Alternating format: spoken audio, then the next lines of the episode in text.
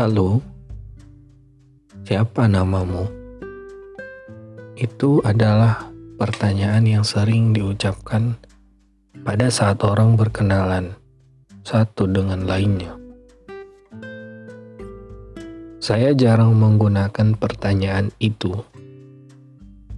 Saya tidak begitu jika berkenalan, atau mungkin saya memang tidak sering berkenalan. Pada episode ini, saya akan menjawab beberapa pertanyaan.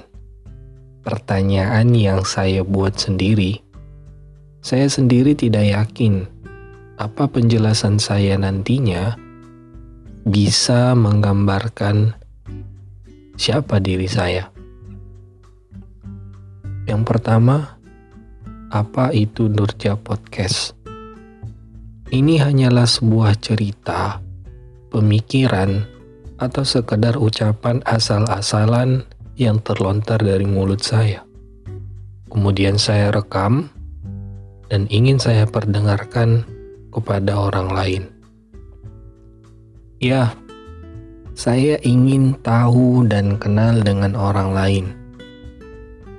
Tahu dan kenal itu serupa tapi tak sama. Banyak orang yang hanya sekedar tahu tapi sebenarnya tidak kenal. Sebaliknya, tidak jarang orang yang saling kenal namun tak saling mengetahui. Akhirnya, disebut sok tahu, sok kenal. Pertanyaan selanjutnya, kapan Durja Podcast dibuat?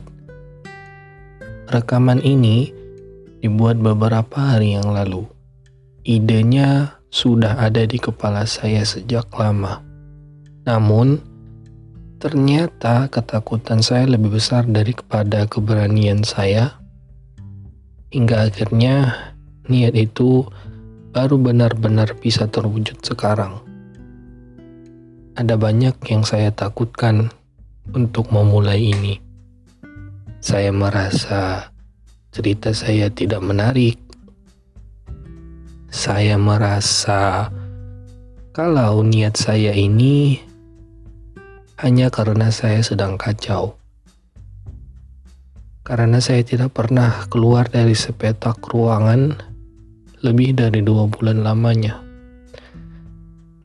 Saya juga takut sebenarnya kalau ada di antara yang mendengarkan rekaman ini yang kenal dengan saya.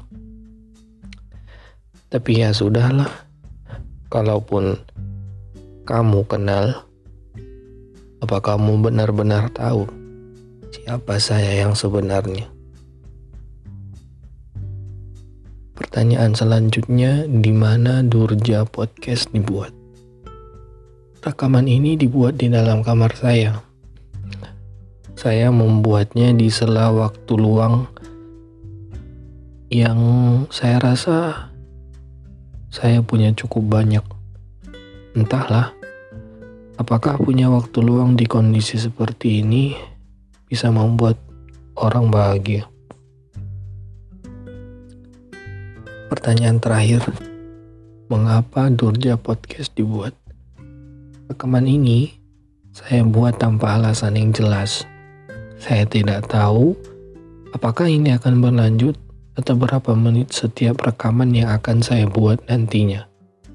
Tetapi setelah saya coba pikirkan, saya mungkin bisa sebutkan dua tujuan saya membuatnya. Pertama, saya ingin menjadikan rekaman ini layaknya jejak. Jejak di dalam hidup saya.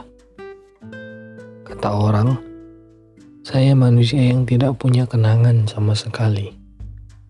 Saya tidak suka berfoto, dan saya juga tidak percaya diri kalau harus mengabadikan momen bahagia lewat video.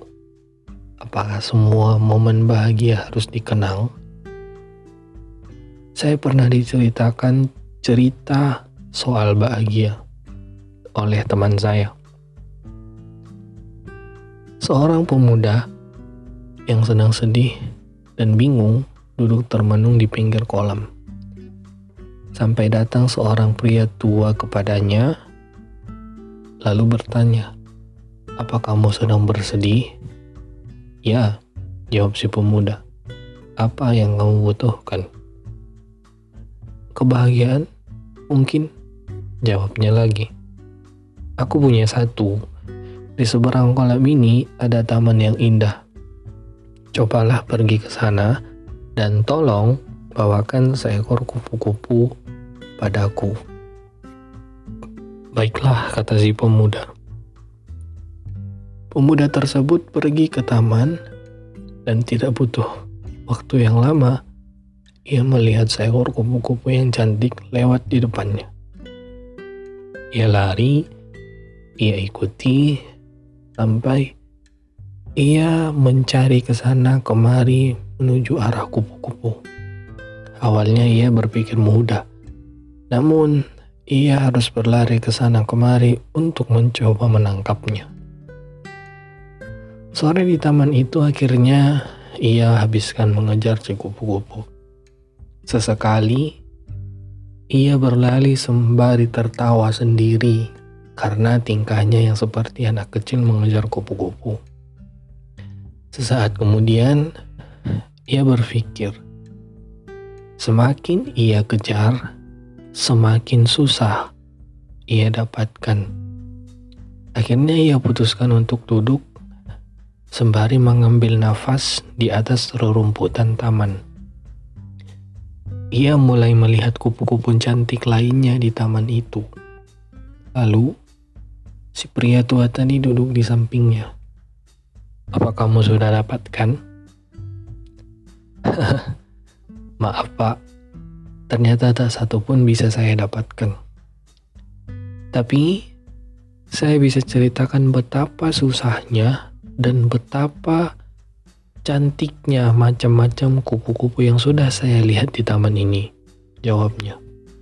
Kemudian tiba-tiba pria itu bertanya lagi, Apakah kamu sedang bahagia? Entahlah apa maksud si pria itu. Saya pun kurang tahu. Apa bisa kupu-kupu diibaratkan bagaikan kebahagiaan? Apakah kebahagiaan juga harus dikejar seperti kupu-kupu? Bukankah si pemuda tadi bilang kalau menangkap kupu-kupu itu susah? Ya sudahlah, lain kali saya akan tanyakan kepada teman saya yang cerita tadi apa maksudnya. Maaf kalau cerita saya kurang menarik dan ya saya tidak lupa kok. Alasan yang kedua saya membuat rekaman ini ialah supaya saya bisa tahu dan kenal dengan orang lain. Salah satunya adalah kamu yang sedang mendengarkan. Saya bukanlah orang yang pandai bergaul, namun saya suka mendengarkan cerita orang yang tahu dan kenal dengan saya. Kalau kamu punya sesuatu hal, cerita, apa pun itu, saya buatkan email di deskripsi podcast ini. Dan terima kasih telah mendengarkan.